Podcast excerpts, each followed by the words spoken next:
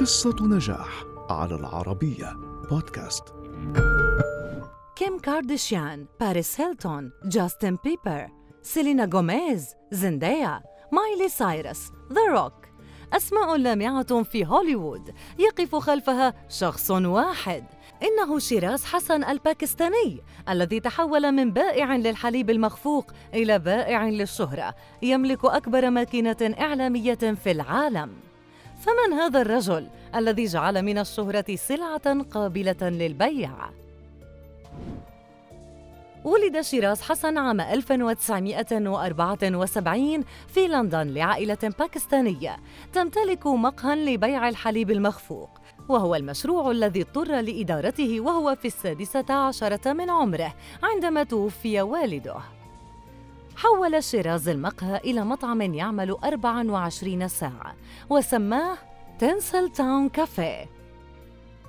واستعان بشخصية مشهورة للترويج له فنجحت الفكرة وتضاعف دخل المطعم.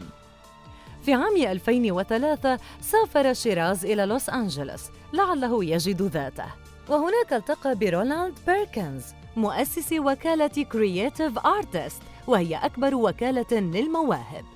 وعرض عليه فكرة جديدة لبرنامج تلفزيوني يربط نجوم هوليوود بنجوم بوليوود وهي الفكرة التي تحولت سريعاً إلى واقع.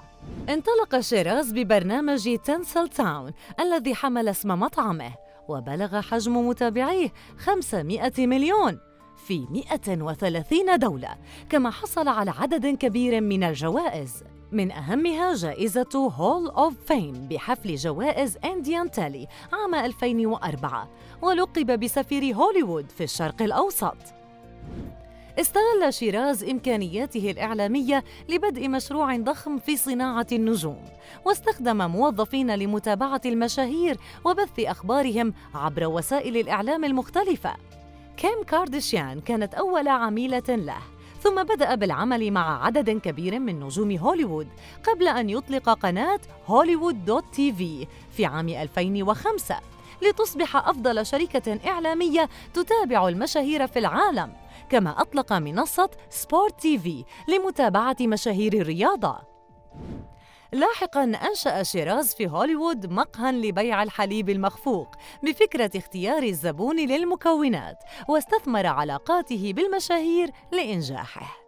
في عام 2020 أسس شيراز شركة Fame للإعلام مع شعار 3 billions click أي إن شركته قادرة على نشر أي مادة إعلامية وإيصالها ل 300 مليار شخص حول العالم. وبذلك استحق أن يلقب بصانع نجوم هوليوود.